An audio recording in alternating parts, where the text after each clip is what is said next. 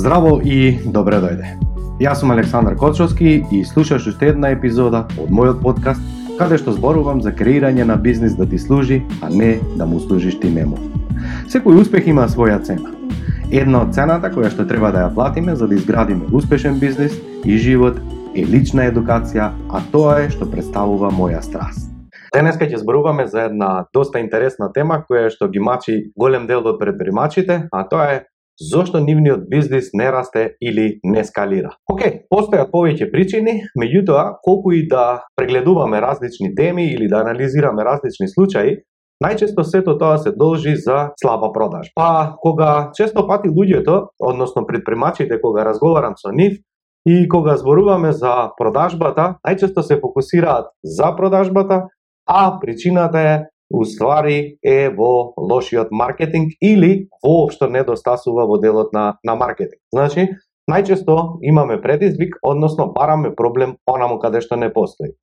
Истото се случува и со голем број на бизниси, без разлика за кој бизнис се станува збор, но денес во ова моје обраќање ќе се фокусирам на оние бизниси кои што се базираат на услуги и најчесто нивната продажба се одвива онлайн.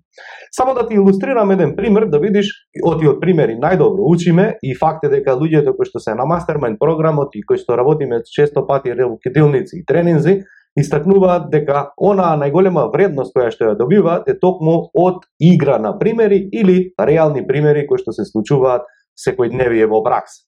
И па, еве како му доаѓа ако не знаеш кој ти е идеален клиент, ако не знаеш кому се обраќаш, ако не знаеш зошто постоиш, ако не знаеш кој проблем главен му го решаваш, буквално идентично како да секој ден отвораш во фрижидер.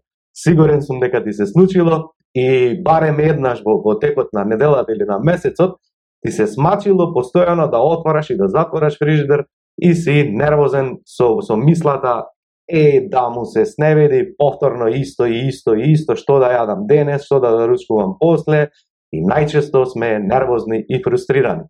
Ајде сега да идеме на еден друг пример, а тоа е влегуваш во некој маркет, може би сакаш да купиш некој пар чевли, може би сакаш да купиш гардероба или како и да е, и доколку си поминал два-три продажни објекти, забележуваш дека најчесто сите те услужуваат на ист начин, сите користат од прилика ист речник, сите имаат иста или слична роба и си велиш сега, окей, што јас да одберам од сето ова.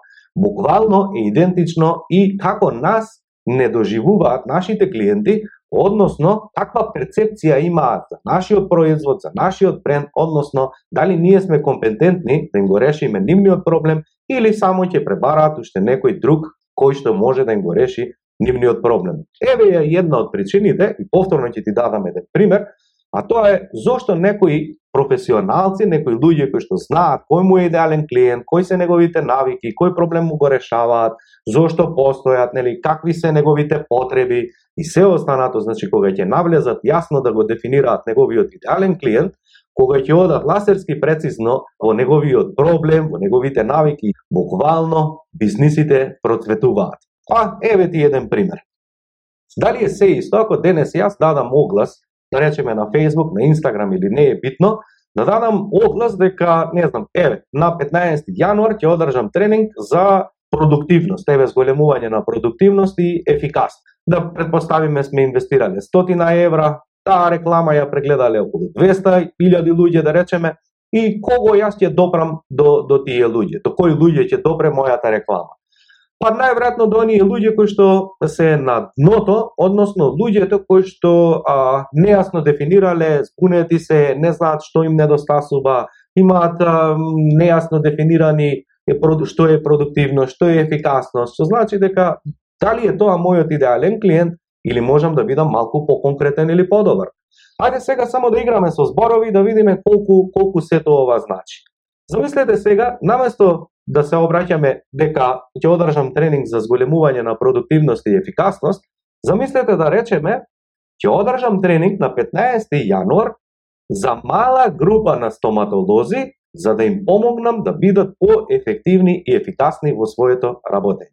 Сега, колку би имала цена овој ист семинар и дали ќе добрам ласерски прецизно до одредена група или ќе трупаме глупости на цела мрежа, ќе прегледаат 200.000 луѓе и нема да ни се пријави ниту еден. Дури и да се пријави, сигурно дека ќе бидеме разочарани. Сега одиме следен чекор. Ако објавам уште една објава, а тоа е дека на 15 јануар ќе одржам семинар или работилница или тренинг, не е битно терминот, каде што тоа ќе биде за мала група стоматолози кои што имаат повеќе од 3 или 5 стоматолошки ординации. Дали е сега уште попрецизно, дали се обраќам на сите стоматолози, јавни, приватни или какви и да е, мешовити, или се обраќам исклучиво на предприемачи кои што имаат повеќе од 2-3 стоматолошки ординации. Сега, дали е се такви многу повеќе во државата или се помалку? Е, ако се помалку, дали тоа значи дека Ласирско прецизно решавам конкретен проблем на одредена група или во ширина? Најверојатно дека ќе се пријави помала група, но ќе се пријават луѓе кои што имаат токму таков проблем. Што тоа од другата страна значи? Тоа значи дека овој ист тренинг од првата верзија преку втората, па и третата верзија, дека цената му отишла многу повеќе од и луѓето кои ќе бидат на тој еден тренинг, ќе имаат наменски примери, ќе имаат конкретни а, задачи, ќе имаат конкретни решенија, како кон крајот на таа работилница би добиле најдобар бенефит. Оти, ако имам 10 луѓе од различна индустрија со различни предизвици, како еден универзален проблем може да ги опфати сите нив. Еде сега да одиме уште подлабоко, а тоа е дека на 15 јануар ќе одржам тренинг каде што ќе можат да зголемат продуктивност и ефикасност предприемачи на стоматолошки ординации кои што имаат плюс вклучено пластична хирургија, дополнителни галантерија и додатоци или не знам што. Значи, повторно истиот тренинг, повторно мала група на луѓе, но тоа значи дека сега сме ја зголемиле уште многу повеќе таа вредност. Што е поентата на сето ова што ти го кажувам? Затоа што најголем дел од предприемачите со кои што соработувам, кога ќе ги прашам кој ти е идеален клиент, кому продавате, за кому постоите, ќе кажат Па знаеш Александар, ние можеме на сите, да, да, на сите, jer ние сме толку ефтини, квалитетни, навремени, брзи, ние се грижиме за клиентите, не знам што, ние можеме за секој. Ема, па, драг мој пријателу, тоа значи дека штом постоиш за сите, еднакво е дека не постоиш за ниједен. Еве ти само еден пример да видиш дали е тоа така или не. Само погледни го твоето портфолио на клиенти и ќе видиш дека од 100%, 80% би бил најсреќен кога никогаш не би стапнале повторно во твојот ординација, не знам, канцеларија, продажен објект, производство или што и да. Зошто е тоа така? Затоа што имаш 10 на 20% со кои што супер соработуваш, одлично ти иде услугата, перфектно се разбирате, супер заработуваш со нив, а останатите грабат време, те нервираат, се нешто не се задоволни, се нешто не им чини, се нешто тие не се, не знам, задоволни од она што го работиш, а вистината е дека само 10-20% ти се топи, ти се супер, а останатите ти се, драги мој пријателу, собрани на едно место, затоа што ти не знаеш која е твоја идеална облика. Еве ти ќе ти илустрирам уште еден пример да видиш колку пак ова е значајно за маркетинг од не можеш да скалираш бизнис, не можеш да направиш шестоцифрен, а за седмоцифрен воопшто да не зборам, ако не имаш добар маркетинг, кој ќе кажам добар, мислам на перфектен маркетинг, Оти маркетингот е алатка која што постојано и постојано ти генерира лидови, потенцијални клиенти, како и да е. Но, дали е се исто, пример, ако нашата веб страница ја посетуваат во текот на денот 1000 луѓе и тоа бидат во ширина како примерот со стоматолозите, или ќе бидат 10 ласерски прецизно донесени потенцијални наши клиенти. Е една од причините зошто постојано разговараш со 1000 луѓе, Зошто половина ништо не те разбираат? Зошто половина од нив ти поставуваат илјада прашања за кои што веќе ти е досадно да се објаснуваш, ти велиш како воопшто може да ме прашува ова? И ако често луѓето да ти велат, ма дај ми попуст, може ли поевтино, или не знам што, тоа значи само дека звучиш, изгледаш како сите останати и нормално е, клиентите се спунети како да препознаат дека токму ти си различен, нели? Така исто се однесуваме кога ќе одиме на матичен лекар, Или исто се однесуваме кога ќе одиме, не знам, на специјалист, гинеколог, не знам, протетичар, кардиохирург, оториноларинголог или како и да е. Кај трчаме по рецепти и воопшто не ни е битно нивното мислење, а кај другите плаќаме пет пати, сто пати поскапа услуга, мирни сме, чекаме, нели, го цениме нивното мислење, ќе си платиме колку треба и бркаме работа. Е па, драг мој пријателу, може би овие лекари токму нешто научиле она што тебе не ти достасува, а тоа е впрочем да се професионализираш, да бидеш експерт во одредена област, инаку ќе бидеш сваштар. Е па сваштар еднакво е на секакви клиенти, секакви клиенти еднакво е да се убиеш од работа, и еднакво е на крајот ништо не заработуваш. Оти растурена ти е енергијата, растурени ти се средствата, оти и тие се енергија и ти на крајот на денот побараш проблемот онамо каде што не постои. Еве се ќе ти дадам еден пример кој што мислам дека е фантастичен. Еден од учесниците на Mastermind програмот со кој што и долго време веќе соработуваме, тука се и на бизнес коучинг и останато, Бранко Илушев е собственик на компанијата Smart Click од Струмица, кои се професионалци, експерти во SEO. Што тоа значи SEO? Па тоа значи кога ќе претражиш на Google, не знам, параш кујна и буквално Google ти пласира месец дена као лут само кујни, кујни, кујни, кујни само ти менува модели. Истото ќе го направиш на Facebook, кликаш, пишуваш кујни или не знам што, и буквално Facebook цела недела не можеш глава да дигнеш и се викаш што ми дојде овие кујни или не знам што, Е, тоа е тоа, кај што има одреден алгоритам, има експерти со кои што тоа се занимаваат, Та кога ти ќе куцнеш тамо кујна, буквално те бомбардираат овие кои што имаат добар рейтинг, кои што имаат, не знам, уште уште илјада други информации дека се компетентни, релевантни и корисни класираат информации, Google алгоритмот сваќа дека аха, ова што пребарува перо, значи ова за него е супер, оваа страна има најрелевантни, најквалитетни информации, па ајде да му ги дадеме на перо да одбере нешто од ова што е корисно. Е сега, како кажи ми ти мене, Бранко, тимот на Бранко, кои што се експерти во својата област, работаат за цел светски пазар, имаат клиенти буквално од цел свет, нивната работа е буквално лудило од и од no name вебсайт може да те лансираат за 2-3 месеци буквално да рангираш на, на број еден во свет, не во Македонија, тоа е смешки. И буквално кога некој од Индија ќе ќе напише, не знам, тефтер, пенкало, што и да продаваш, буквално ласерски да му го донесе твојот твојот вебсайт или твојата услуга. Е сега, како ти можеш да ангажираш SEO експертска компанија, ако ти не знаеш кој тебе ти е идеален клиент? кому се обраќаш, што пребарува, во кој време, колку има буџет, кој му е главен проблем, на што размислува, што уствари он на површина размислува дека му е проблем, а што му е на седмо ниво, кој е на вистина неговиот проблемот и најчесто луѓето, ние сите, не знаеме како правилно ги детектираме проблемите, размислуваме површно, не се занимаваме сами со себе и најчесто мислиме дека она првото што ќе ни дојде на ум дека уствари тоа е проблемот, а на вистина секогаш проблемот е далеку, далеку, далеку испод тоа. Е, сега следно. Замисли сега ти, одиш еве со Бранко, и Бранко ти поставува прашање, окей, господин Александар, перо не е битно, кажи ми ти мене кому се обраќаме, кој треба да ти донесеме на вебсајтот и следот стана.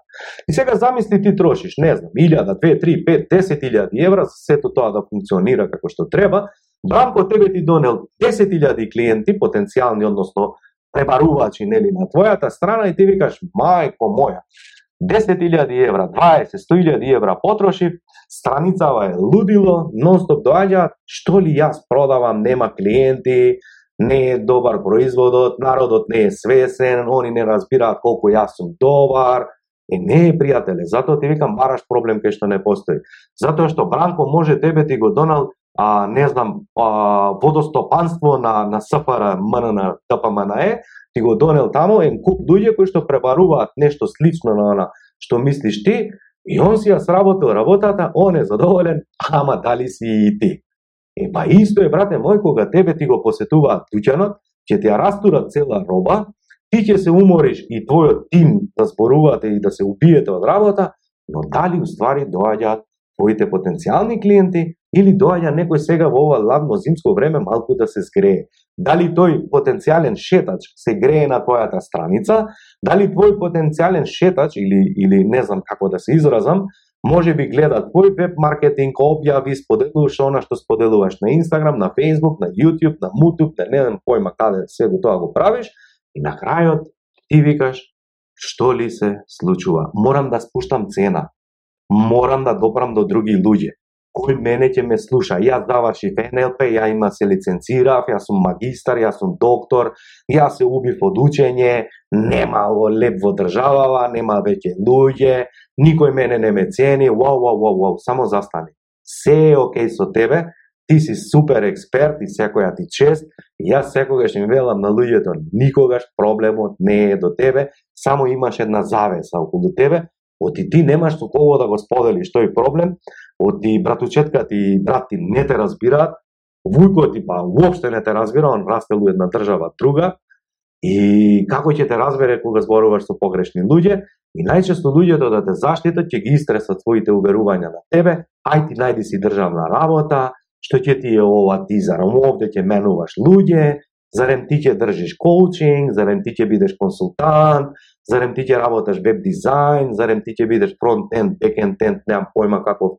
програмер, зарем ти ќе бидеш графички дизајнер, зар ти ќе бидеш добар архитект или машински инженер или немам појма. Е, пријателе мој, штом ти тоа го работиш, штом ти тоа со љубов го правиш, штом ти по цел ден се фокусираш, пребаруваш интернет, интернет, лево, десно, со луѓето околу тебе постојано зборуваш на таа тема, тоа значи, пријателе мој, дека ти си компетентен, ти си супер, се е во ред со тебе. Штом ти имаш решение, некој плаче од другата страна да го добие твоето решение, ама како да знае дека ти постоиш? Еден ден објавуваш пиво кај пиеш пред кооперација на Facebook со телефонот, по три дена објавуваш кај си бил кај тетка ти на веритба, по четири дена си објавил сунет кај праеш на внучето, по 17 дена кај пробуваш чевли и како ја да знам што ти работиш? Не појма. Дали продаваш накид, дали си, не знам, дали те плаќа некој ловчија да рекламираш пушки, појма неам ја, еве, влезите на профилите да видите и она што е битно, дали ти се креатор на содржина или си конзумент. Ако ти живиш од Facebook, од LinkedIn, социјални мрежи, тој дајде немој да ги буниш луѓето. Трета работа. Често пати истото се случува и, и со луѓето кои што работат па еве, ајде да ти дадам примери мултилер. Влези кај него, он става слики кај се сликал со тетка му, по три дена ти продава, не знам, чорапи, по пет дена ти продава финансиски производи, седмиот ден се сликал со братучетка му а, кај продава зелени витамини, и ти викаш кој идиот е овој што се прави. Пета работа. Кој ти е тебе клиент? И поготово луѓето од мултилевел кои ќе прашам, викаат, абе знаеш, никогаш не знаеш кој позади него, кој мене ќе ми донесе, кој ќе ти донесе бе Самуилова војска. Тој ќор ќе ти донесе позади него уште 100 без око. Значи, ако ти не знаеш за кого постоиш, ако ти не знаеш кој ќе биде во твојот тим, кого ти ќе едуцираш и се убиеш да му го пренесеш твоето знаење, тогаш зошто трошиш енергија? Дали може би е попаметно да размислиш какви лавови сакаш да имаш околу тебе, как, каде живеат тие, кои проблеми ги имаат, каде пијат кафе, кога излегуваат, колку заработуваат, да знаеш што можеш и каде се наоѓаат тие луѓе, или едноставно ти ќе регрутираш само ќе играш на бројки и на крајот ќе речеш, знаеш како, абе, ова, ова не е за мене.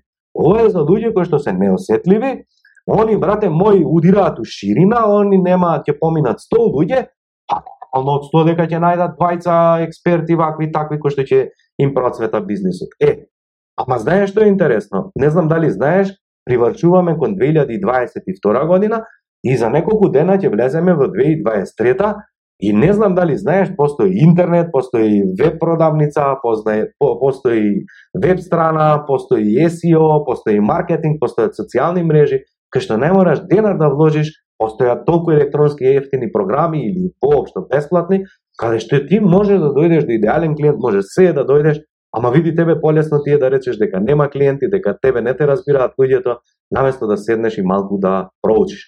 А втората вистина е, штом природно тебе тоа не го правиш и не те интересира, може би е време да прашаш дали уствари само случајно си забегал во таа индустрија и може би е време да се потроши енергијата твоја на сосема една друго место, или? Така да, еве резиме на сето ова. До крајот на нова година, ја ти препорачувам да дефинираш кој е твој идеален клиент, како тој ќе го направиш, Па види многу едноставно. А, идеален клиент може да дефинираш на следен начин, а тоа е, не знам, кој си бил ти пред 3 или 5 години, каков проблем си имал, кој пат си поминал, како си го решил. Оти види, можеш да прочиташ илјаде и една книга, ама оно што ја пишувал книгата не го живее твојот живот, Живееме во различно време и немој да бидеш папагал кој секој еден втор прочитал три книги и ја работам на себе. Пре, како работаш на себе, бе брат? Па ја читам и што фајде со тоа читањето, колку заработа, што направи, ништо. Значи, не се учи од книга и често пати велам ја на работилници, не можеш да научиш да пливаш од книга. Значи, еден ден мора да скокнеш у вода и да научиш, а јеби га, ако не се удавиш, сигурно дека ќе научиш, значи не се учи така, не се учи она како што не учиа у школа, туку се учи од акција и од акцијата нешто ќе научиш. Ајде одиме второ. Ајде сега размисли со сите луѓе што кои си имал до сега со работка, со кој најдобро ти лежала работата. Колку години има, на која возраст е, кој, кој пол е, не е се исто дали е машко или женско, не е се исто дали има 20 години или 55. Па зошто? Па ќе дадеш објава И сега не е се исто дали пишуваш ти се обраќаш на машко и на женско, дали има 20 години или 50 години, зошто? Па може да се убиеш ти да збориш на Инстаграм, на YouTube и на, на не знам која мрежа, а он едноставно не се наоѓа таму, ели? Може би е сосема, може би воопшто не користи социјални мрежи. А ти се мачиш и викаш ова не функционира. Следна работа која што треба да дефинираш е ласерски прецизно да му влезеш во неговиот ум какви навики има, каде пие кафе, колку пари троши на тоа што ти го работаш, кого тој познава, колку време му трае проблемот, кој со кој стравови се бори, што не му е јасно, какви верувања има. И знаеш што е интересно? Колку ласерски се заинтересираш и имаш јасно прецизно говори за ова, толку полесно знаеш кому се обраќаш. А знаеш што е интересно? Луѓето секогаш се подготвени да платат услуга, не е никогаш проблем цена, само не знаат кому да ги дадат парите. Еве размисли само, доколку имаш некој специфичен проблем со носот, си отишол на матичен лекар, он ти препишал нешто глупости таму и не си се решил, пред да одиш на матичен лекар, соседката ти дала 15 незни примери, написе чајче, пробај тревка, па не функционирало, а па малку си срчал на Google и си експериментирал, значи си требало време малку да се озрее, да ти расте проблемот, и на крајот викаш, нека иде у мајчина, јас морам да платам колку и да е, ќе одам да видам на експерт, односно на специјалист, колку тоа и да чини, јас ќе платам, што значи тоа, дека кога ќе одиш кај специјалистот, молчиш, не си најпаметниот, слушаш што ти зборува, тој од другата страна ти поставува паметни прашања, знаеш што да те праша, му поминали илјада како тебе, се специализирал за тоа, не те прашува од кога те боли коленото ако си дошол на забар и се останато, Нели, не ти вели јас сум гинеколог, ама ај ќе ти одзирнам завод, туку ласерски точно ти зборуваш она што треба, на крајот ќе ти го реши проблемот, ти среќен ќе си платиш и си одиш дома излечен, односно среќен. Нараво учение, уште денес. Нема скалирање, нема заработка 100.000 евра, нема бизнис шестоцифрен. За милион заборави ако не решаваш ласерски точно еден проблем, една понуда, еден клиент, едно решение. Ако имаш илјада производи, илјада различни клиенти, на крајот имаш чаршија. Тоа секој пат го среќавам тај клиентите и затоа често пати им велам паметно е што ќе престанеш да правиш, а не што уште да дотуриш, оти твојата фирма не е панаѓур, туку мораш да најдеш точно што решаваш. Трета работа. Македонија е толку мала држава што Сега, ако се прашаме, ќе излеземе трети братучери, ја не знам кој го гледа или го слуша, така да се е јасно и се е познато. Тоа значи дека многу брзо разбираат луѓето кој си, што си, што преш, како работиш и се останат. Не троши време во ширина само да те прецепираат дека си уште еден просечен кој што нешто прави. Бори се на време, ластерци и фокусирај се, оти за да дојдеш до 100.000 евра, за да дојдеш до шестицифрен бизнис, за да дојдеш до седмоцифрен бизнис, тебе не ти треба милион клиенти. Тебе ти требаат неколку клиенти кои што ќе останат неколку години со тебе, како вие ќе растете заедно, така ќе му даваш ти поголема вредност, така ќе заработуваш ти повеќе и на тој начин имаш успешен бизнис. Бизнисот не е во количина, Оти ти не можеш да се тркаш со големи компании кои што играат на ситно, кои што играат на годишен работ, тоа е некој сосема друг бизнис за голем пазар, а дали ти имаш голем потенцијален пазар или мора да бидеш внимателен. Ти благодарам што одвои време да ме слушаш на овој подкаст. Доколку сакаш да соработуваш со мене, најдоброто место е да се информираш за пилните понуди е www.aleksandarkochovski.com и секако немој да заборавиш да се претплатиш на мојот ньюслетер, каде што исто споделувам бесплатни информации и навремено ќе дознаеш за сите бесплатни онлайн тренинзи.